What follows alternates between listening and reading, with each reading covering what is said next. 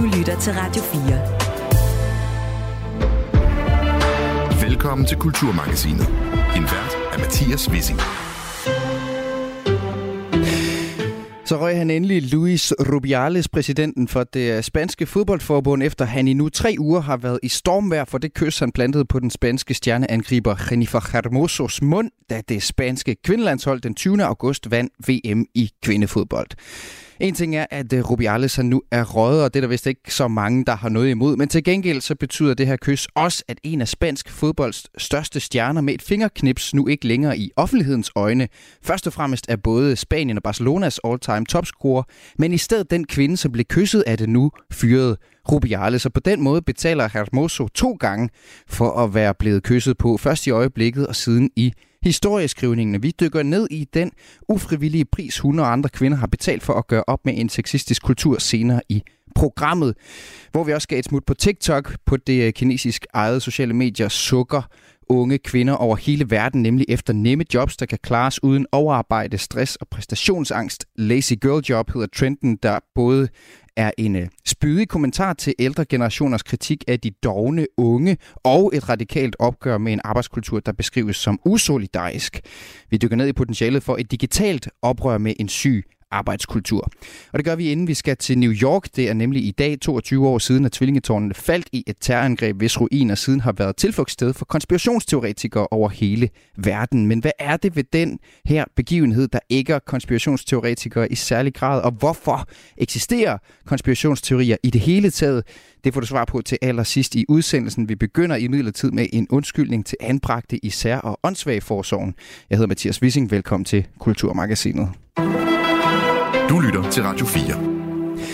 Både børn, unge og voksne anbragt i, hvad der blev kaldt sær- og åndssvage forsorgen, blev udsat for overgreb og svigt. Det skete i perioden 1933 til 1980, og for en time siden fik det så social- og boligminister Pernille rosenkrantz teil til at sige, jeg kan på regeringens vegne endelig sige undskyld til de mennesker, der er blevet udsat for de her ting. Og en af dem, som social- og boligministeren siger undskyld til, er 68-årige Bjarne Jensen, der som treårig blev anbragt i Brejning syd for Vejle. En undskyldning, som han i morges fortalte mine kolleger her på kanalen. Han føler, at både han og andre også har krav på. Hvad betyder det for dig, Bjarne, at få den her undskyldning? Det betyder meget. Hvorfor? Fordi at, øh, jeg mener, det er krav på undskyldning. Og hvorfor det? Hvad var det egentlig, du var udsat for, Bjarne, da du var ung og barn og anbragt? Det overgreb. Man fik sidste øh, øh fik skal ud, eller man fik nogen på hovedet. Fysisk afstraffelse og skæld ud, lød det altså her fra øh, Bjarne Jensen. Og forholdene i den såkaldte åndssvage forsorg er noget, vi har diskuteret i de, i de seneste år, hvor både bøger og udstillinger har sat fokus på det her emne. Men et andet sted, som også har været med til at drive den offentlige samtale, det er kunsten. Sidste år kunne man for eksempel i biografen se filmen Ustyrlig, der handlede om de kvinder, der var indsat på anstalten på Sprogø i en ikke så forfærdelig fjern fortid. Min kollega Lene Grønborg Poulsen ringede derfor til Sara Isabella Jønsson Vede, manuskriptforfatter på filmen Ustyrlig, der fra Barselsland gav sin reaktion på dagens undskyldning. I dag modtager tidligere anbragte i sær- og åndsfagforsorgen, der har været udsat for svigt og overgreb, regeringens undskyldning. Sara Isabella Jønsson Hvide, du er manuskriptforfatter på filmen Ustyrlig, som havde premiere sidste år. Velkommen til Kulturmagasinet. Tak for det. Og Ustyrlig, det er en film, der handler om kvindeanstalten på Sprogø, hvor piger, der på den ene eller anden måde ikke passede ind i tidens normer, de blev sendt hen. Vi starter lige med et klip fra den film. Det var det, at hun er lettere åndssvag. Vores øanstalt er det rette sted for hende. Jeg tror, der er sket en fejl. Jeg er ikke åndssvag. Kom du med mig. Jeg vil hjem. Jeg vil gerne hjem. Du kan godt klare det. Husk det. Ja, det er voldsomme ting, der sker. I filmen, som øh, foregår i 1933, der møder vi den 17-årige Maren, der er vild og uregerlig, og altså derfor bliver sendt til kvindeanstalten på Sprogø. Så Isabella Jønsson Hvide, du er manuskriptforfatter på filmen Ustyrlig. Lad mig lige starte med at høre dig. Hvad er din reaktion på, at der i dag bliver givet den her undskyldning? Altså, jeg synes jo, det er en rigtig, rigtig stor ting, og en meget positiv ting. Øh, altså, man sige, det er jo en længe ventet officiel anerkendelse af, at det, der er foregået, er helt, helt forkert, og at det har haft nogle nogle voldsomme konsekvenser for de her kvinder. Øh, nu taler jeg især om, om de kvinder på Sprogø, som er det, jeg kender mest til, men det gælder selvfølgelig øh, rigtig mange, der har været anbragt under åndssvagforsorgen. Øh, men altså, ikke alene taler vi jo om nogle, nogle mennesker, der har fået frataget retten til at få børn, øh, og i flere tilfælde fået frataget de børn, de allerede måtte have i forvejen. Øh, og udover det, så er det jo nogle mennesker, der har levet med en, en kæmpe stigmatisering, altså som simpelthen er blevet stemplet som forkerte. Øh, og øh, det, at staten nu går ind med sådan en undskyldning, synes jeg jo også kan være med til at, at ændre på det billede, øh, fjerne den stigmatisering, så vi som samfund kan kigge tilbage og, og revurdere billedet af, af de her mennesker og, og tænke, at måske var de i virkeligheden ikke så forkerte alligevel. Og undskyldninger er jo på en eller anden måde meget op i tiden. Altså betyder sådan en undskyldning overhovedet noget? Altså på den anden side kunne man jo også sige, at det bare er tomme ord. Hvad tænker du om det? Øh, jeg synes, det betyder noget, men det er jo også fordi, det handler om, hvad det er for et, et øh, blik på historien, vi kigger tilbage øh, med, og hvad for en øh, genfortælling af historien, der ligesom bliver. Øh, så det, at, at øh, vi som samfund kan anerkende, at øh, det er øh, altså en stor skade, man har forvoldt de her mennesker, det, det synes jeg betyder noget. Selvfølgelig er det meget symbolsk, også nu hvor der ikke er ret mange mennesker tilbage, men, øh, men det handler sådan om, hvad det er for en fortælling, vi øh, ligesom bliver ved med at fortælle som samfund om, hvad der er sket øh, tilbage i tiden. Du er som sagt øh, manuskriptforfatter på filmen Ustyrlig, som udkom sidste år, hvor den fik en del opmærksomhed, og hvor øh, flere også kommenterede på det her med, at det var en af de første film om det her emne, som øh, var ret realistisk i sin skildring af, hvordan kvinderne havde det. Øh, hvordan lavede I research til den her film? Jamen, øh, altså vi læste øh, en helvedes masse journaler, øh, der blev skrevet om, om de piger, der blev optaget på anstalten. Øh, Øh, og det, det er lidt mærkelige ved det var jo, at sådan, jo længere vi gravede os ned i stoffet, jo mere øh, aktuelt blev det for os på en eller anden måde. Altså jo tydeligere blev det, at de her kvinder jo på en eller anden måde meget var ligesom os. Øh, og derfor føltes det meget stærkt, når vi sådan samtidig ligesom kunne læse om alle de her voldsomme ting, de var blevet udsat for. Og hvad var det for nogle bestemte ting i øh, den research, du lavede, der gjorde særligt indtryk på dig? Altså noget af det, der gjorde særligt indtryk på mig, og også øh, filmens instruktør øh, Malu Reimann, tror jeg var øh, for eksempel sådan nogle eksempler på kvinder, der er blevet øh, gravide i en ung alder, øh, og som lige pludselig øh, bliver stemplet som øh, løsluppende og øh, ude af stand til at tage sig et barn, og derfor får frataget de her børn, øh, inden de så bliver sendt øh, til Sprogø. Øhm, og det med at ordentligt, at, øh, at nogle af de her kvinder ligesom får frataget deres børn, at de også øh, bliver tvangssteriliseret og endegyldigt mister muligheden for at få børn ud i fremtiden, det øh, gør virkelig dybt indtryk på os. Hvordan ser du, at fiktionen eller kunsten, som for eksempel øh, filmen Ustyrlig, som I har lavet, hvordan ser du, at den kan spille en rolle i den offentlige samtale på en anden måde, end øh, fakta måske kan?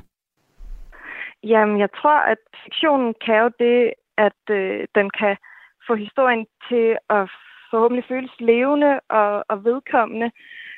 Fra begyndelsen så var vi meget klare omkring, at intentionen var ikke kun at vise sådan et stykke underbelyst Danmarks historie.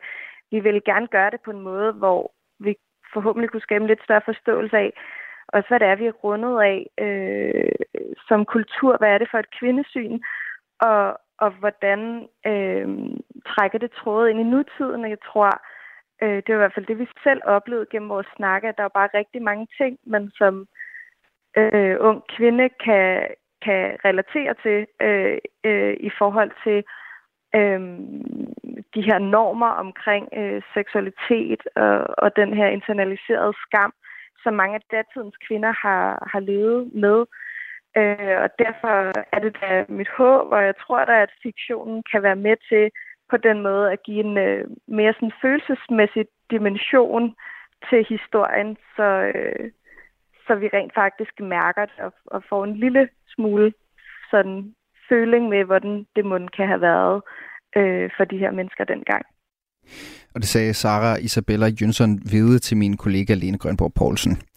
Undskyldningen den bliver som sagt givet til danskere anbragt i sær- og åndssvagforsorgen fra 1933 til 1980, en periode i hvilken flere end 5.000 af de anbragte med lovhjemmel blev steriliseret af staten, fordi de var blevet stemplet som moralsk åndssvage, hvilket anstaltslægerne selv direkte i tale som racehy- i tale satte som racehygiejne.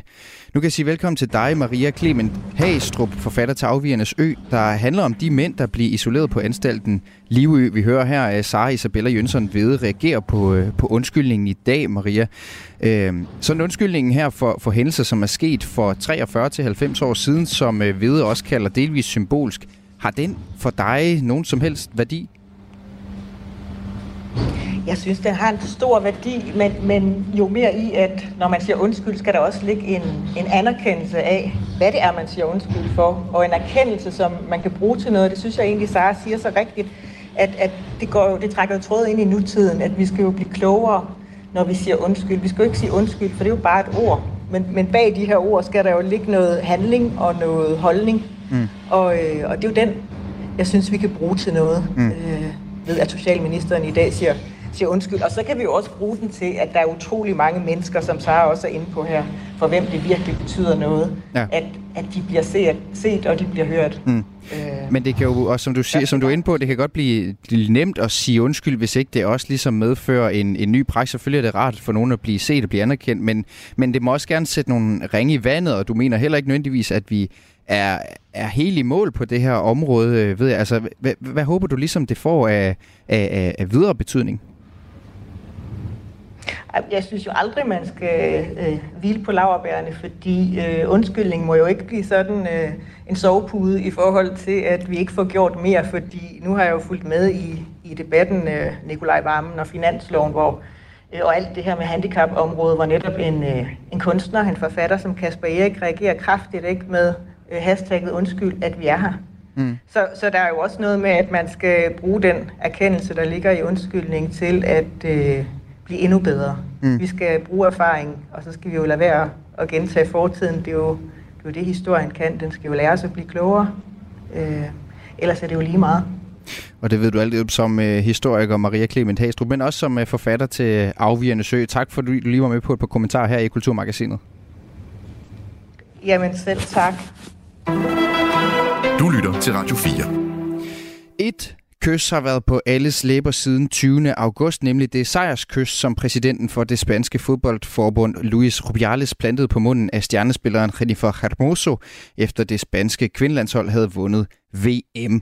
Det udløste blandt andet stor utilfredshed hos den spanske spillertrup og gik verden rundt, og nu er det så kommet frem, altså at Rubiales har trykket sig fra sin præsident post. Amalie Bremer, som blandt andet er vært på den podcast, der mundret hedder Kvindefodboldpodcasten, for uden Radio 4-programmet Missionen, hun peger på, at sagen for det første handler om meget mere end fodbold, heriblandt sexisme, korruption og dårligt lederskab. Og derudover så tror hun også, at sagen den indikerer måske et paradigmeskifte i sporten. Der kommer i hvert fald til at være et før og et efter den her tid, hvor at sagen om, om Luis Rubiales så var en af de brækker, som, som, som var billedet på den her tid. Altså kvindefodbolden udvikler sig helt enormt. Det er den hurtigst voksende sportsgren i de her år. Og det gør jo, at spillerne har fået en større platform, har fået en større megafon, når de prøver at råbe op om, om mange af de problemer øh, strukturelt og systemisk, som der er i kvindefodbolden stadigvæk, selvom at, at, at sporten udvikler sig så hurtigt, som den gør. Og det er derfor, at det får en, en slagside. Altså kvindefodbolden har en, en kulturel kapital, som den aldrig har haft tidligere, og det er derfor, vi ser så mange sager vælte ud for tiden. Øh, sager, der handler om, om fysiske, psykiske arbejdsforhold, øh, løn osv., og, og, og det, øh, det, det, det er meget spændende. Altså, det er en brydningstid i, i kvindefodbold.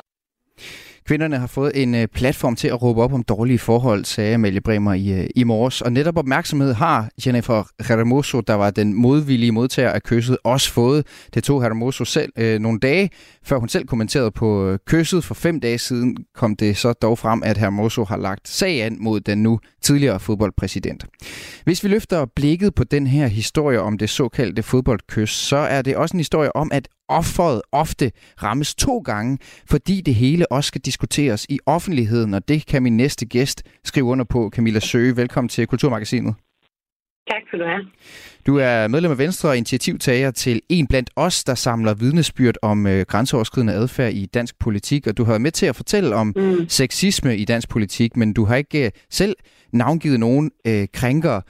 Kan du genkende det her med, at man som offer bliver ramt to gange, altså en gang ved selve krænkelsen, og så igen, når man stiller sig frem og fortæller om det? Ja, altså det, man kan sige, øh, stagernes anatomi ligner jo hinanden, øh, og, og ligner også dem, vi har set herhjemme. Altså at øh, der er en adfærd, som er grænseoverskridende, og som beror på en øh, magt, som, som en eller flere personer har, og et dertilhørende system, som, som kan opretholde den her magt og den her adfærd. Øhm, og dertil så kommer jo så en person, der får nok i det her tilfælde, øh, Hermoso, som, som, som siger fra, men jo også med opbakning fra, øh, kunne jeg forstå, hele øh, øh, kvindelandsholdet og, øh, og dele af fodboldforbundet. Og det, der jo så sker efterfølgende, det er, at der er så stærke kræfter på spil, at man forsøger simpelthen at dissekere hendes oplevelse fra hinanden. Altså mm. man så øh, tvivl om hendes troværdighed, man går dykker ned i, hvad har hun selv signaleret, og var der ikke tale om en festlig øh, lejlighed. Mm. Men hvis vi nu tog øh, de danske briller på og sagde, det her, det er en gymnasielærer, han har en afgangsklasse, som lige er blevet studenter, og han er så høj af eufori, at han kysser sine øh, elever på munden, så vil vi jo synes, at det var forkasteligt og, og meget grænseoverskridende. Og det nytter jo ikke noget, at man i sportens verden har sådan et, et slaraffenland, hvor trænere kan rende rundt og kysse mm. deres spillere på munden. Mm. Nu er du selv inde på anatomien nemlig her, altså for, hvor det her, det er jo noget, der sker for rullende kamera. Det er jo noget, alle i hele verden kan gå ind og se, hvem der begår et overgreb, og hvem der bliver begået et overgreb mod. Altså, hvordan, mm-hmm. hvad, tænker du om, om lige præcis den her sag, hvordan den adskiller sig fra resten af de sager, som ellers ligner i, i, i den her, hvad kan man sige, øh, overgrebsskabelon? Øh, jamen, der, der er flere elementer i det. Jeg hæfter mig ved, at hun jo ikke i momentet får sagt fra. Og, øhm, og det kræver måske, at man også ligesom sætter sig ind i, hvordan at ens krop reagerer, når man bliver øh, overrasket med noget, som ikke er særlig rart. Altså mange øh, går, øh, beskriver det her med at gå i frys, eller hvis der bliver øh, sagt en, en joke, som øh, er dybt grænseoverskridende, så kan man måske grine lidt nervøst af det.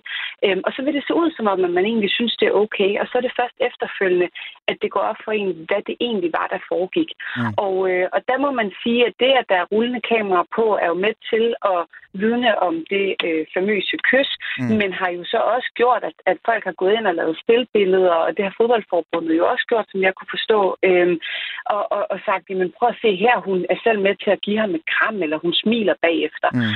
Øh, så der bliver stadigvæk i 2023 pålagt et gedint ansvar mm. på offeret for krænkelser i mm. at sige fra i momentet. Mm. Og lige det her med, at det, at det netop også sker for, for rullende kamera, det har jo sådan et morbidt element at det bliver, altså man kan ligesom lige kalde den frem i, øh, i varerummet der og se på, hvad man synes, der skete, men det gør jo ikke nødvendigvis os klogere på, hvordan Hermoso har haft det i, i øjeblikket. Øhm, det jeg vil sige med, det er, altså det med, at det er på rullende kamera, det gør jo også, at det er noget, Folkedomstolen lynhurtigt kaster sig over. Øh, det er blandt andet blevet diskuteret om et, et kys i sejrsrusen, sådan at, skulle være under bagatelgrænsen for, hvad der bør koste posten som fodboldpræsident for dem, der har Rubiales ryg. Øh, men det er et spørgsmål, som min kollega Louise Østlund har taget med til Danmark og taget med ud på gaden her. Du kan lige prøve at høre, hvad vi har, hvad vi har snakket med et par danskere om. Jamen, det synes jeg, det er den rigtige beslutning et eller andet sted. Der er jo nogen, der vil sige, at det måske er sådan lidt uskyldigt, altså et sejrskys. Det, jeg hørte, det var, at hun var ikke specielt begejstret selv, så der, det, det, det, det giver vel svaret. Han burde have spurgt inden. Øh, man kan ikke bare gå og kysse på folk sådan, uden at, at de ligesom selv lægger op til det.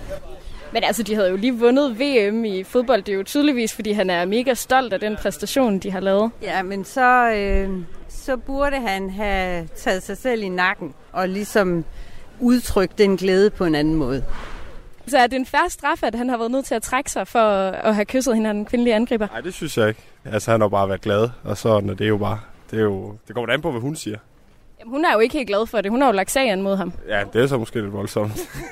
Men altså, det må de jo finde ud af internt jo, hvad straffen er. Jeg synes jo ikke, at det er til offentlig skue. Det skal vi andre jo ikke uh, være herre over. Men altså, der er jo nogen, der vil sige, at de har en arbejdsrelation. Han er jo på mange måder hendes chef, og så skal man ikke gå og, og kysse på hinanden. Nej. Nej, det er selvfølgelig også rigtigt nok. Men uh, manden er jo glad jo. De har jo gjort det godt. Så det var hans måde at sige tak på. Hvis nu vi tænker ud over Rubialis her, er der en sådan arbejdsrelation, hvor du vil tænke, at man godt kunne give hinanden et kys? Det vil jeg ikke sige. Jeg synes, at kys det er intimt mellem sådan ens partner. Så kan det godt være, at man er glad, men det synes jeg, man kan udtrykke på mange andre måder end et kys. Altså nu arbejder jeg jo i en kvindebranche. Jeg er sygeplejerske og husker jo tilbage til den tid, hvor man øh, godt kunne få et rap i røven af overlægen. Øh, og det måtte man bare finde sig i. Og det med at gå og kysse på andre mennesker, det skal man ikke gøre med mindre, at, at de ligesom selv lægger op til, at det er bare okay, eller siger, ja, du må godt give mig et kys. Så hvis nu man forestiller sig, at sygeplejersken, som jeg går ud fra ligesom er den nederste i hierarkiet i det her eksempel, siger til overlægen, det er okay, du giver mig et kys, så vil det være okay, eller hvordan? Jamen det tænker jeg da, fordi det er jo en form for samtykke. Så i det, i det tilfælde ville det være okay. Okay, så jeg hørte dig sige, at man kan faktisk godt i nogle situationer blande et kys ind i en arbejdsrelation. Det kan man godt, ja. Det mener jeg bestemt. Ja, min kollega Louise Østlund her, hun leger lidt djævelens advokat til begge sider, som du måske kan høre, Camilla Sø. Ja. Øh, men baseret på de svar, vi får her øh, fra gaden øh, i, i den øh, tilfældighed, der jo ligger i sådan en voksprop der, kan du alligevel ja. udlede noget om, om, om de her svar har ændret sig i løbet af de seneste år i forhold til, hvordan grænserne er blevet skubbet rundt?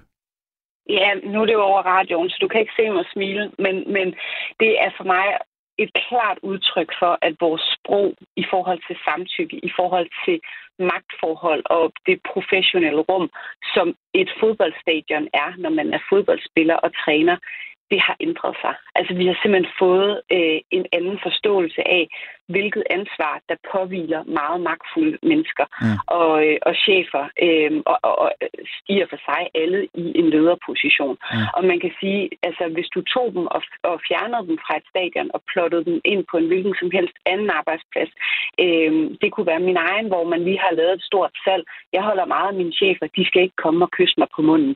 Øh, så, så det der med at formode samtykke, bare fordi vi er i festlige omgivelser. Mm. Sådan fungerer det ikke længere, og det er et kæmpe fremskridt. Mm. Og jeg kan også se på, på reaktionerne, altså der, der er mange, der tænker, Nå, men er det ikke bare sådan lidt, sådan lidt spansk temperament? Er det ikke bare en kulturforskel? Men det, det jeg læser øh, rundt omkring er, at, at, at i Spanien vil de lige så meget af med den her fordom om, at man har lidt, man er lidt nemmere til kys, end vi har alle mulige mm. andre steder i verden. De synes heller ikke, det er i orden, i hvert fald er, er stemningen dernede. Øh, Nej, altså der er jo mange magthaver, der har undskyldt sig med, at de, øh, de kunne godt lide at få en svinger om til julefrokost, og jeg tror, Frank Jensen beskrev sig selv som en glad mand. Men, men det nytter ikke noget, at han render rundt og er glad. Man må godt være glad uden at, at slikke på folk, ja. Ja, det må man nemlig godt, og, og man kan sige også, altså, hvor mange har så en god oplevelse ud af det, og det nytter jo ikke noget, at den ene glade mand får lov til at tyrannisere et helt rådhus i det her tilfælde, mm. eller øh, som, som det er med, med øh, Rubialis, mm. at øh, det, er simpelthen, altså, det driver ned ad væggene med den dårlige kultur. Mm. Jeg har noget, jeg lige skal nå at vende med dig, Camilla, som er, altså den her store ja. opmærksomhed på sagen har også betydet, at Hermoso, som blev kysset, ikke selv har haft et, et valg om, hvorvidt hun synes, at der skulle blive en sag ud af det eller ej.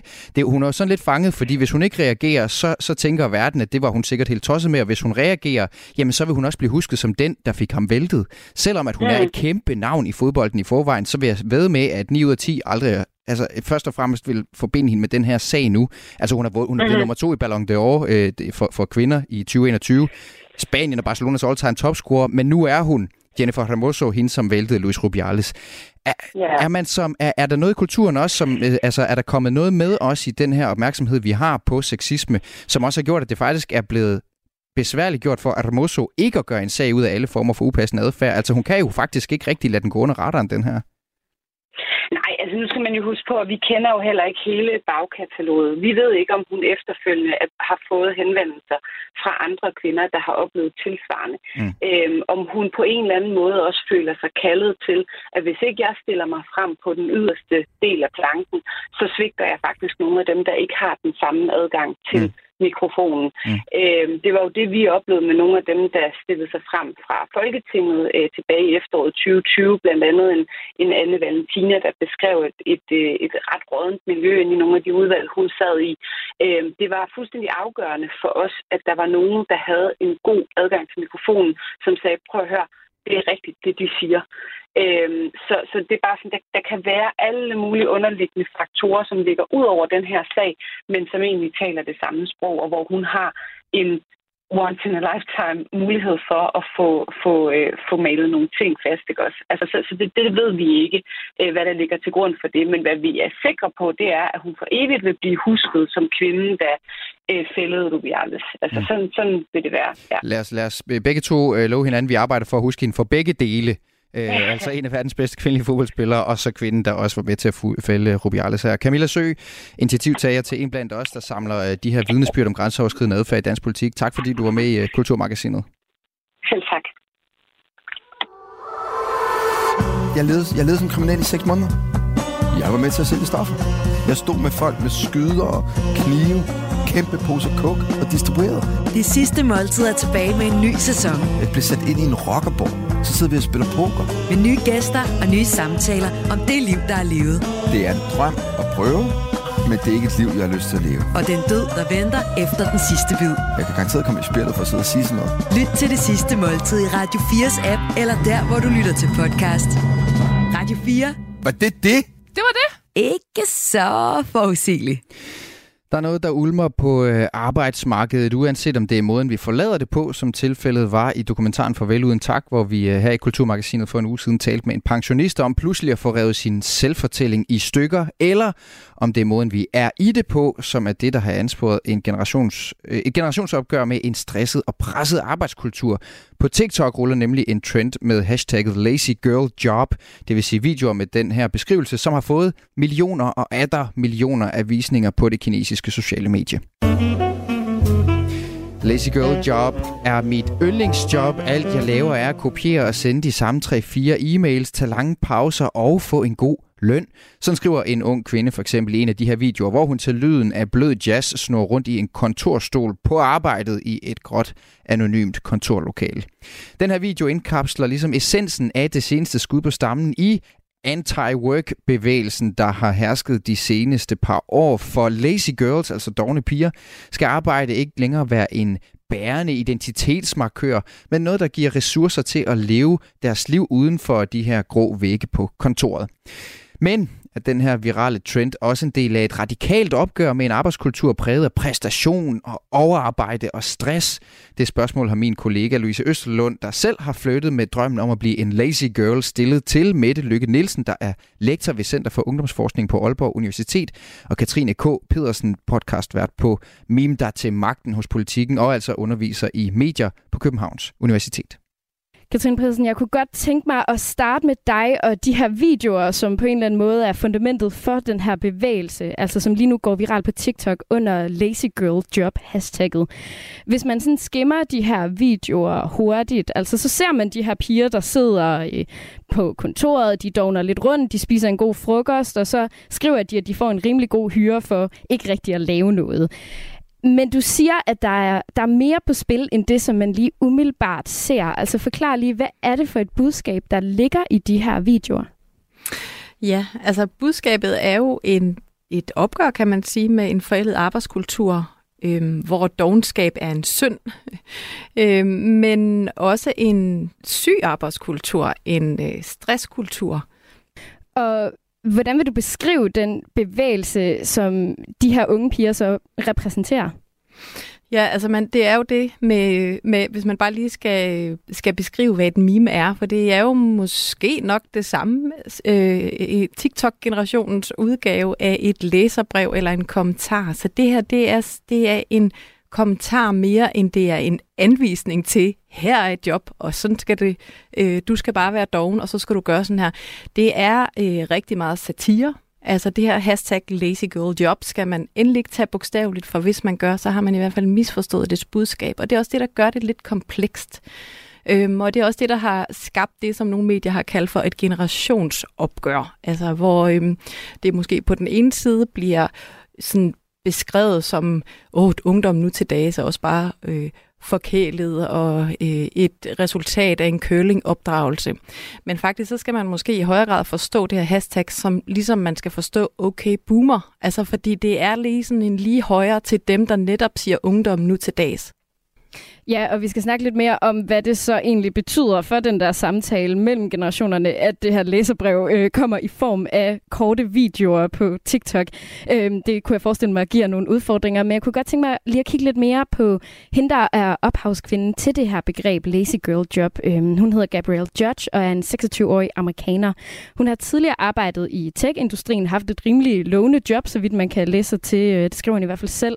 Men nu er hun altså fuldtids fuldtidsinfluencer. Hun har droppet den der karriere og i stedet skabt en anden karriere på TikTok og Instagram, hvor hun altså deler ud af råd til, hvordan man ligesom hende kan, kan forlade øh, hamsterhjulet. Og prøv lige at høre, hvad hun siger i en af sine videoer om filosofien bag de her lazy girl jobs. Your job is not here to emotionally fill your cup up. I talk about this a lot in my Substack. I used to do this a lot in the beginning of my career where I expected like everything that I do at my job to be like so emotionally and probably spiritually fulfilling. And that thinking is a trap. But it's a trap not because of our fault. Since we were very, very, very young, we've been constantly asked what our dream job was. As an adult, when we're meeting someone new, we're talking about our life, the first, second, or third question is always, What do you do for work? Because our society has a critical issue when it comes to centering our nine to five around our identity. The goal is to get that bag and leave. Jobs are a transaction of your skills and your time for money and benefits. When we think of a job of anything but that, that's when suffering happens. Because we'll stay at the job doing tasks that we shouldn't be doing and going above and beyond because it's supposed to be emotionally fulfilling and you're searching searching for this bigger thing that's supposed to be happening in your life.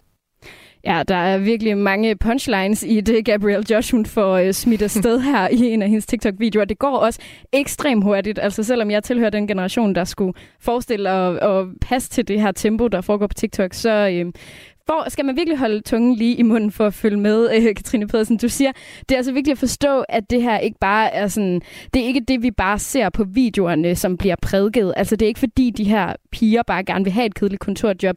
Men hvad er det så for et arbejdsliv, som øh, Gabrielle Judge, hun prædiker, og som de her kvinder på TikTok, de, de sukker efter? Jamen, som man også kan høre, så, så noget af det, hun, øh, nu ved jeg ikke lige, om hun nævnte det lige i det her klip, men noget af det, hun siger, det er jo også et opgør med girl power og girl boss. Altså det her med, at, øh, at man skal stræbe efter en, øh, en fed karriere, at det handler simpelthen ikke om at finde sit identitet i sit job. Der er så meget andet i livet. Så på den måde bliver det jo sådan en, en, også sådan en metakritik af hele den tilgang, vi har til vores arbejdsliv i dag. I Vesten, vel at mærke. Mm. Og Mette Lykke Nielsen, jeg skal også sætte dig på øh, banen, for du forsker netop i det her krydsfelt øh, mellem ungdomsforskning og øh, arbejdslivsforskning, altså kigget på, hvad, hvad det er, der sker, når unge mennesker øh, kommer ud på arbejdsmarkedet. Og jeg har jo sendt dig ind på TikTok for at se nogle af de her videoer, blandt andet en fra Gabriel Judge. Hvad er det for en kritik af arbejdsmarkedet, som du ser komme til udtryk i, i de her TikTok-videoer? Jamen, jeg ser egentlig meget det samme, som Katrine nævner. Altså, jeg ser inden bag denne her form, den her ironiske satire på en måde, så ser jeg en ret skarp, både feministisk og øh, kapitalismekritik af moderne arbejdsliv. Altså sådan et arbejdsliv, der kræver, at du investerer dig selv 110 procent, som mange unge siger, øh, i et arbejdsliv, som ikke altid er socialt bæredygtigt, og som jo en hel del øh, bliver stresssyge af. Så det er en kritik af et, kan man sige, kulturelt ideal om, at du udlever dig selv og din passion gennem arbejdet. Og det er en kritik af, at det du får ud af moderne arbejdsliv, det ikke er mere materiel velstand, eller bedre løn, eller bedre livsvilkår, men selvudvikling, øh, og det at kunne leve sig selv ud. Så kritikken lyder, at, øh, er sådan en identitetsmæssig investering i arbejdet. Det er en fælde, track, siger hun, øh, fordi at arbejdet det er jo dønarbejde, hvor du indgår i et magtforhold, som handler om at få dig til at yde og producere mest muligt, og det, du giver i bytte, det er dit liv, din tid og nogle gange også dit helbred. Så, så, lyd, øh, så rådet lyder, at det skal man passe på med. Man skal ikke gå i den fælde, man skal investere sig selv mindst muligt, og især ikke gå på kompromis med sit helbred i arbejdet og øh, finde lykken og glæden et andet sted end i arbejdet. Og det kan jo nok virke ret provokerende på mange, i måske især min, i min generation. Ja, og prøv lige at sætte nogle ord på det, fordi det, det lyder måske umiddelbart meget lige til, men, men hvor, hvor radikalt anderledes eller provokerende er det her faktisk øh, i forhold til den arbejdskultur, som, som hersker lige nu, eller som de her unge mennesker møder, og som måske er defineret af, af nogle af de ældre generationer?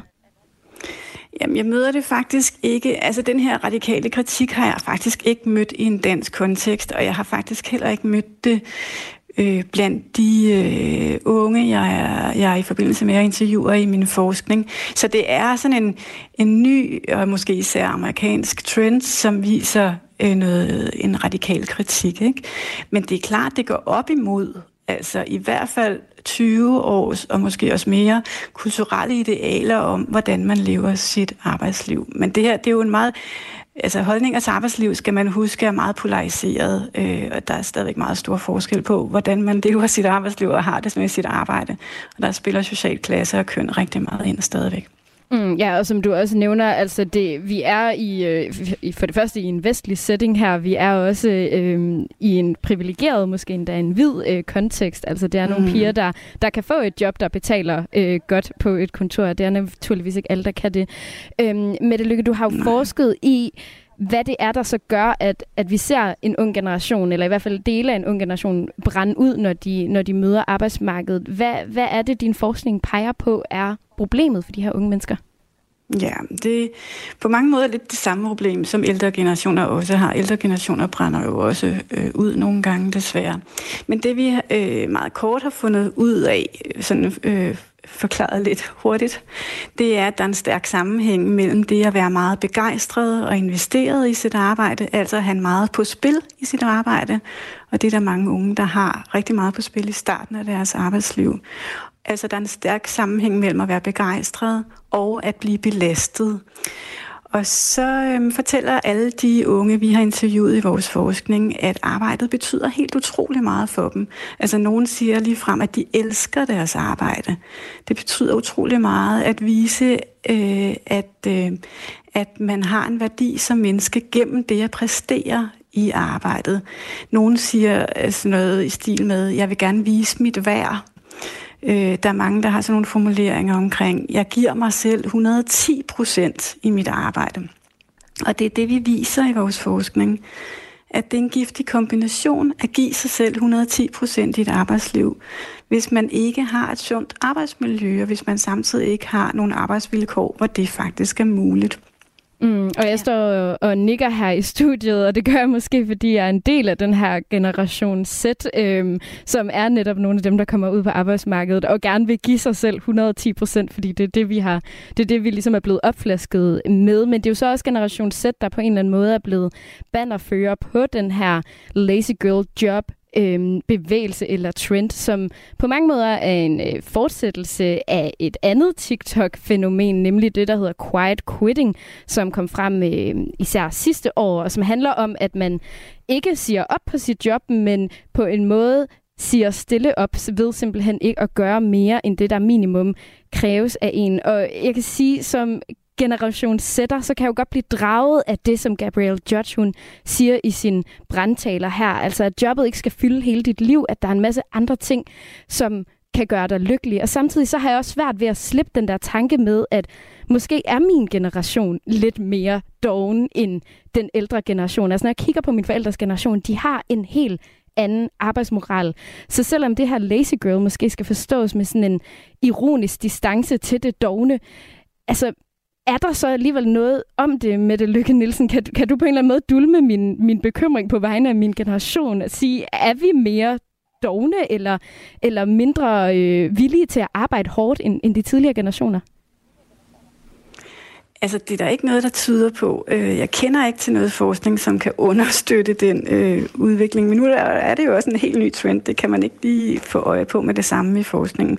Men tværtimod, så kan vi faktisk se på arbejdsmiljøstatistikker og din generation.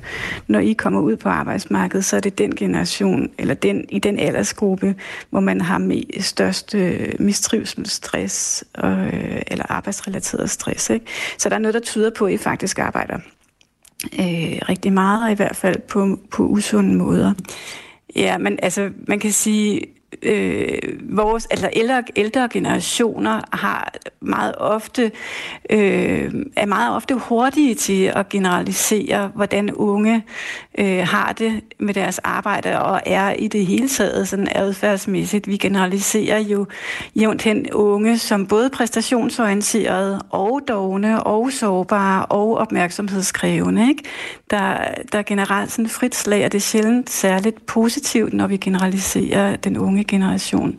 Og det synes jeg, det skal man passe rigtig meget på med faktisk, for det kan jo skabe ret store konflikter, øh, når generationer mødes med sådan nogle øh, kategoriseringer. Mm. Men jeg synes, det er forestillinger jeg kommer bare til at tænke, jeg synes jo et eller andet sted lige præcis, øh, det der er, er jo sådan set det, det handler om, at det så er, nu er det så ikke en demonstration i de fysiske gader, det her det er sådan en demonstration på internettets gader, som så ligesom er en demonstration i hashtags og, og videoklip på TikTok og på, på Instagram. Og, øh, og øh, så det skal ses som en kommentar, som en kommentar netop til den her sådan, øh, stereotype udlægning af en generation, som er på en bestemt måde. Øhm, om det så er sigende for en hel, hel generation, det her foregår på TikTok. Der er også en ramme, som er øh, TikTok, og som er sociale medier, øh, øh andre sociale medier. Øhm, som, og derfor tænker jeg, at, at det er svært at generalisere ud fra sådan en ud af mange trend, der, der er båret af, af hashtags. Men, men jeg synes alligevel, det er interessant som sådan en, det er sådan et, et samtidsspejl, øh, kan man sige, øhm, uden at man sådan skal, skal læse nogle konklusioner ud af det. Ligesom at øh, også samtidskunsten, der er flere unge samtidskunstnere, der beskæftiger sig med arbejdskultur som en del af ja, en, en samtids- og en samfundskritik. Så øh, måske mere som en, et, et, et tema, øhm, som der er nogen jeg er helt sikker på, at der er mange af os, der synes, det er vigtigt at debattere og diskutere, og jeg tror også, at der er mange forskellige øh, aldersgrupper, der kan relatere sig til, måske ikke lige nødvendigvis det, som George, hun, den måde, hun kommunikerer eller formidler det på, men tematikken. Mm. Ja, og Katrine Pedersen, prøv lige at sige noget mere om det, fordi det er jo også sådan en eller anden forhandling, eller dialog, eller forsøg på dialog, der er i gang mellem generationerne. Altså du siger det her lazy girl job, det er også en måde at sige okay boomer til de ældre generationer, der kalder de unge for dogne, og man skal ikke nødvendigvis tage det her ordet doven for, for andet end en spydig og ironisk kommentar. Men hvad betyder det egentlig for den der samtale, der også skal foregå, eller for, der er nogen, der forsøger at have mellem generationerne, når når den samtale foregår på TikTok. Ja, men lige præcis. Og der skal vi jo også huske på, altså man kan jo også stille spørgsmål, at det her er en medieskabt generationskløft? Altså de her, eller er det en algoritmeskabt øh, skabt generationskløft? Altså, altså der er ikke nogen tvivl om, at vi også på en eller anden måde befinder os i sådan nogle, i nogle segmenter, naturligvis, øh, som man kunne kalde for øh, generationsbobler. Øhm, og, og det er øh, altså det er en yngre generationer, som foretrækker TikTok, så allerede der er der en begrænsning for en samtale. Jeg tror ikke, man skal nødvendigvis øh, tage denne her kommentar som en direkte kritik af mennesker, der bor i en anden generation eller udgør en anden generation. Det er faktisk mere en kritik af netop dem, der ønsker at skabe stereotyper. Så det her, det er jo et opgør med stereotyper. Det er en måde at, at gøre op med øhm, øh, øh, unge nu til dags stereotypen. Og så lød altså snakken mellem Mette Lykke Nielsen fra Center for Ungdomsforskning og Katrine K. Petersen, som er podcastvært hos Politikken, og det var en kollega, Louise Østerlund, der havde sat dem stævne for altså at tage fat i den her virale trend, Lazy Girl Jobs, der er den unge generations opgør med en stresset arbejdskultur. Du lytter til Kulturmagasinet. I dag er en af de dage, hvor man øh, altid lige stopper op, når den popper op i kalenderen, og de fleste mennesker husker formentlig, hvor de var i dag for præcis 22 år siden. Det var nemlig den dag, to fly bragede ind i tvillingetårnene World Trade Center i New York, mens et tredje fly styrtede ned i det amerikanske forsvarsministerium Pentagon i et øh, koordineret terrorangreb, som altså kostede næsten 3.000 mennesker livet, men også en begivenhed, der gav de såkaldte konspirationsteorier fornyet liv. For var det i virkeligheden et terrorangreb, eller var det et såkaldt inside job, som siden blev fejret eftertrykkeligt ind under gulvtæppet af magtfulde skyggemænd, der trækker i trådene? Senere kan du høre en forsker i konspirationsteorier fortælle om den betydning 9-11-angrebet har fået, men først giver vi ordet til en af dem, der er overbevist om, at den officielle forklaring altså ikke holder vand. Musiker, kemiker og lektor emeritus fra Københavns Universitet, Niels Heidt. Han har siden øh, 2000 2006 holdt 400 foredrag i 15 lande om, hvordan den officielle forklaring, eller den officielle konspirationsteori, som han kalder den, ikke holder vand, og han betragter ikke sig selv som konspirationsteoretiker. Inden udsendelsen ringede min kollega Søren Berggren Toft til Nils Heide og spurgte, hvorfor han har dedikeret så meget af sin tid og sine kræfter på at bevise, at vi ikke har fået sandheden om, hvad der i virkeligheden skete dengang for 22 år siden. Ja, modstander af kriminalitet. Og så siger du, hvorfor? Jamen, når alle de andre omkring mig, ja, det har store sociale omstændigheder øh, hvad hedder, omkostninger at sige sandheden. Du kan se, hvad der sker med Robert Kennedy Jr. i USA i øjeblikket. Giordano Bruno blev brændt på bålet i Rom i 1600, fordi jeg siger, at jorden drejede rundt om solen. Og Galilei, som blev, som blev slæbt for inkvisitionen i 1633, fordi han på kirkens opfordring i øvrigt havde mm. skrevet en bog, hvor han sagde, at jorden drejede rundt om solen. Så det har sociale omkostninger, ja selvfølgelig. Men, men øh, hvis man, jeg har ikke noget valg. Åh oh, gud, jamen altså, du, du mister alt socialt. Man bliver ringet op af idioter. Nej, undskyld. Du kan ikke høre, hvad min kone siger, vel? Ja, det kan jeg godt, men det tager jeg ikke så tungt. Hvorfor tror du, der er så mange mennesker, der reagerer på den her måde, som, øh, når, når, når de hører, at der, der er folk, der søger sandheden, der, der søger at afsløre de officielle konspirationsteorier? Det er jo stammen. Forstår du? Stammen er den vigtigste sociale enhed. Homo sapiens havde ikke overlevet, hvis de ikke havde været i stand til at rotte sig sammen i grupper. Og det er stammegenet. Det er, det er, og det er en integreret del af Homo sapiens DNA. Stammen er den vigtigste sociale enhed. Stammen overruler familien. Så hvis der er nogen, der er fremmede for stammen, så er det en trussel. Niels, jeg kan ikke lade være med at tænke på, du, du har holdt, siger du, 400 foredrag på, hvad bliver det, 17 år i 15 forskellige lande. Kom. Jamen, det stoppede jo, med, da, da de opfandt den der pandemi der. Kommer du nogensinde i tvivl, Men, Niels, om det, om det i virkeligheden er dig, der har fat i den lange ende? I den lange ende? At jeg får ret til sidst, mener du? Eller vi får mm. ret til sidst, kæreste ven? Jamen, sandheden kommer der altid fra. Kommer du nogensinde i tvivl om, om, det, om det er sandheden? Du hører nu lige her. Altså, du kan ikke narre tyngdekraften, kære ven. Nej. Jamen altså... der er 200 smoking guns i den historie. Der er 200 omstændigheder, der er i modstrid med den officielle konspirationsteori. Og du har lige konfronteret bare en af dem. Der er overhovedet ikke nogen beviser. Overhovedet ikke nogen beviser på den officielle konspirationsteori er korrekt. Jeg er naturvidenskabsmand. Jeg har brugt hele mit liv på at samle data ind og prøve på at forklare dem. sagde altså musiker, kemiker og lektor emeritus fra Københavns Universitet, Nils Heidt, som er af den overbevisning, at den officielle forklaring på angrebene den 11. september altså ikke er sand. Over på øh, Syddansk Universitet i Odense sidder Kasper Grotle Rasmussen, og han er lektor på Center for Amerikanske Studier og forsker blandt andet i konspirationsteorier. Og inden udsendelsen ringede Søren Berggren også til ham og spurgte, hvor øh, 9-11 rangerer på listen over hændelser, der ligesom har konspirationsteoretisk potentiale den rangerer faktisk ret højt, øh, som en af de, altså som, som den første store begivenhed i det 21. århundrede, har den helt klart været til at sætte øh, retningen for, for mange af de konspirationsteorier, øh, vi ser i dag. Så det er ligesom blevet sådan en gateway-konspirationsteori, selvom der er mange, der ikke øh, kan huske den øh, øh, længere, så kan øh, at noget, man refererer til øh, helt klart i et konspiratorisk øh, miljø, som sådan starten øh, på det, vi ser i dag. Er der noget særligt ved lige præcis den her hændelse, som, øh, som gør, at den ligger der? Ja, det er der, og, og, og, og alene det, du siger, det er en hændelse, altså det vi kalder en begivenhedskonspirationsteori, det betyder rigtig meget, fordi det er noget, øh, man kan gå tilbage og studere minutiøst.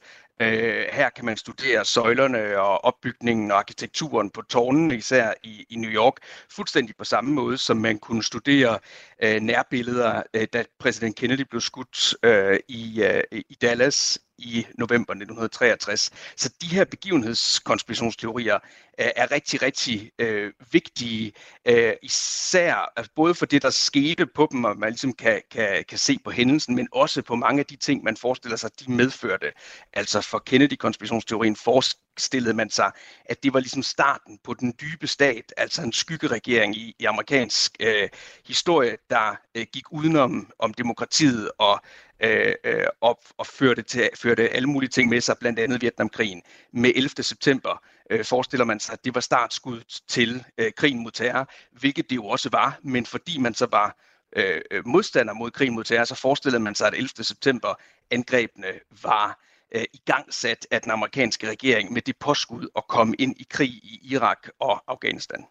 Hvordan, øh, Kasper, hvordan forholder du dig egentlig til, til den officielle forklaring om øh, 9-11? Jamen, den synes jeg er interessant, men det er jo, det er jo også en officiel forklaring, der udvikler sig, øh, kan man sige. Den første officielle forklaring havde jo ikke ret meget, for eksempel med tårn nummer 7 øh, at gøre, som jo blev øh, det helt store samlingspunkt øh, senere hen for, for konspirationsteorier. Altså det her tårn, som ikke blev ramt af fly, men som samtidig, eller som stadigvæk øh, styrtede ned i sin, i sin egen, øh, i sit eget aftryk. Øh, så, så den officielle forklaring med, med konspirationsteori i forhold til det, der skete, passer sådan set egentlig meget godt. Men en af årsagerne til, at også der er mange konspirationsteorier, der er kommet frem om det her, det var jo, at den amerikanske regering løg. Den brugte jo øh, Øh, alle påskud til at prøve at sammenkæde øh, Saddam Hussein øh, med øh, angrebet på 11. september, hvilket der slet ikke var nogen basis for overhovedet. Øh, alle mulige påskud på at sige, at Saddam Hussein havde fundet øh, øh havde øh, købt øh, uran for eksempel i, i Afrika for at øh, lave masseudlykkelsesvåben, øh, som skulle retfærdiggøre den her invasion. Øh, og der var alle de her huller øh, og bevidste løgne, som simpelthen bidrog rigtig meget til konspirationsteorier. Så man kan sige, at den officielle forklaring skal i hvert fald være den officielle forklaring plus øh, alle de ting, man har fundet ud af efterfølgende. Men den officielle forklaring i forhold til, hvordan øh, angrebene øh, fandt sted, øh, mener jeg efterhånden er rimelig godt øh, påvist, at den sådan set øh, hænger sammen. Du kommer jo i berøring med mange af de her forskellige, øh, hvad skal vi kalde dem, alternative forklaringer, konspirationsteorier, hvad vi nu sætter på af ord. Øh, kommer du nogensinde i tvivl? Bliver du no- er du nogensinde ved at blive overbevist af de her forklaringer? Jeg synes altid, man skal, man skal gå til de fleste forklaringer øh, med et øh, åbent sind og med sund skepsis. Det er uanset om det er officielle eller, eller alternative øh, forklaringer. Øh, det der selvfølgelig er, når man har set på mange konspirationsteorier, som jeg har, så kan man jo begynde at genkende et øh, mønster øh, i, hvordan de ligesom er, prøve at sammenkæde dem og sige, hænger de, øh, hænger de sammen med alle de andre konspirationsteorier, der er. Ja, uden at vil være konspirationsteoretisk, så skete der det, at øh, Søren mistede forbindelsen til Kasper. Jeg ved ikke, om der er nogen, der lyttede med, som ikke havde interesse i den samtale, men der skete så bare det, at Søren ringede Kasper op igen på en lidt mere stabil telefonforbindelse og spurgte, hvad det er for et mønster, der går igen i konspirationsteorier det mønster, der, hvor det bygger på, at konspirationsteorier sådan set egentlig handler om øh, det samme, nemlig øh, forholdet øh, til magt. Så det er et spørgsmål om magt og, og, og afmagt. Øh, at det er de her, den her magtfulde elite, der, øh, der er gået sammen om at øh, udføre nogle handlinger, der har øh, der sådan er til gene for, øh, for folket. Og den kan du simpelthen sætte ind i de fleste øh, konspirationsteorier sammen med det at sige, at man siger, at alt, hvad der sker, er planlagt. Det vil sige, der ligger menneskelig intention øh, bag ved det hele. Øh, der er ikke nogen uheld eller, øh, øh, eller tilfælde, eller øh, det, vi kan kalde sådan strukturelle forklaringer. Øh, og det er ligesom grundstenen i alle konspirationsteorier. I Danmark er vi jo en nation af mennesker, der godt kan lide at bryste os af, at vi er gode til kritisk tænkning, og vi er gode til at forholde os kritisk til, hvad vi får at vide. Hvor er balancepunktet imellem sund skepsis over for de sandheder, som myndighederne præsenterer os for, og så konspirationsteoretisk tankegods? Det er ofte beslutningen, altså konklusionen, hvor, konklu- hvor i konspirationsteorier, der er konklusionen givet på forhånd. Og der skal man sådan set bare gå tilbage og finde beviser for den konklusion, som ikke kan ændres. Hvor øh, den sunde skepsis øh, starter øh, forfra og siger, jeg bliver præsenteret for noget, jeg ikke kan forstå, noget, der ikke helt giver mening.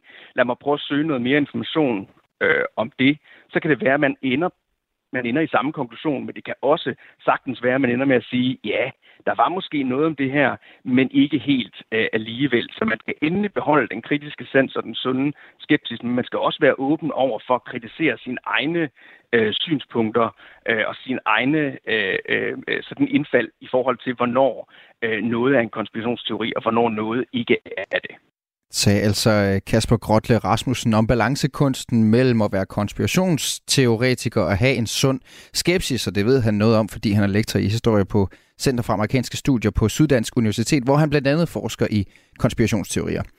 Hvis du, der lytter med, godt kunne tænke dig at høre mere om øh, Nils Heids overbevisning om, hvad der i virkeligheden skete i dag for 22 år siden, så har du mulighed for at tage på galopperiet på Christiania i aften, hvor Nils Heid præsenterer filmen Peace, War and 9-11. Radio 4. Ikke så forudsigeligt. Kulturmagasinet øh, på Radio 4 er ved at være øh, slut for i dag, men øh, om lidt der kan du høre hele programmet i Radio 4's app, hvis du nu ikke har fået det hele med her på øh, Flow. Senere i dag, der kan du øh, som altid høre Missionen. Det er lige om lidt med øh, Tony Scott og Amalie Bremer. Og efter dag, så kan du selvfølgelig høre Verden kalder med Stine Krohmann Dragsted. Lene Grønborg Poulsen, Louise Østerlund og Søren Berggren Toft, de var med til at lave dagens udsendelse. Jeg hedder Mathias Wissing, og Kulturmagasinet er som altid tilbage med meget mere nyt fra kulturens verden øh, på onsdag. Du har lyttet til en podcast fra Radio 4. Find flere episoder i vores app, eller der, hvor du lytter til podcast. Radio 4. Ikke så forudsigeligt.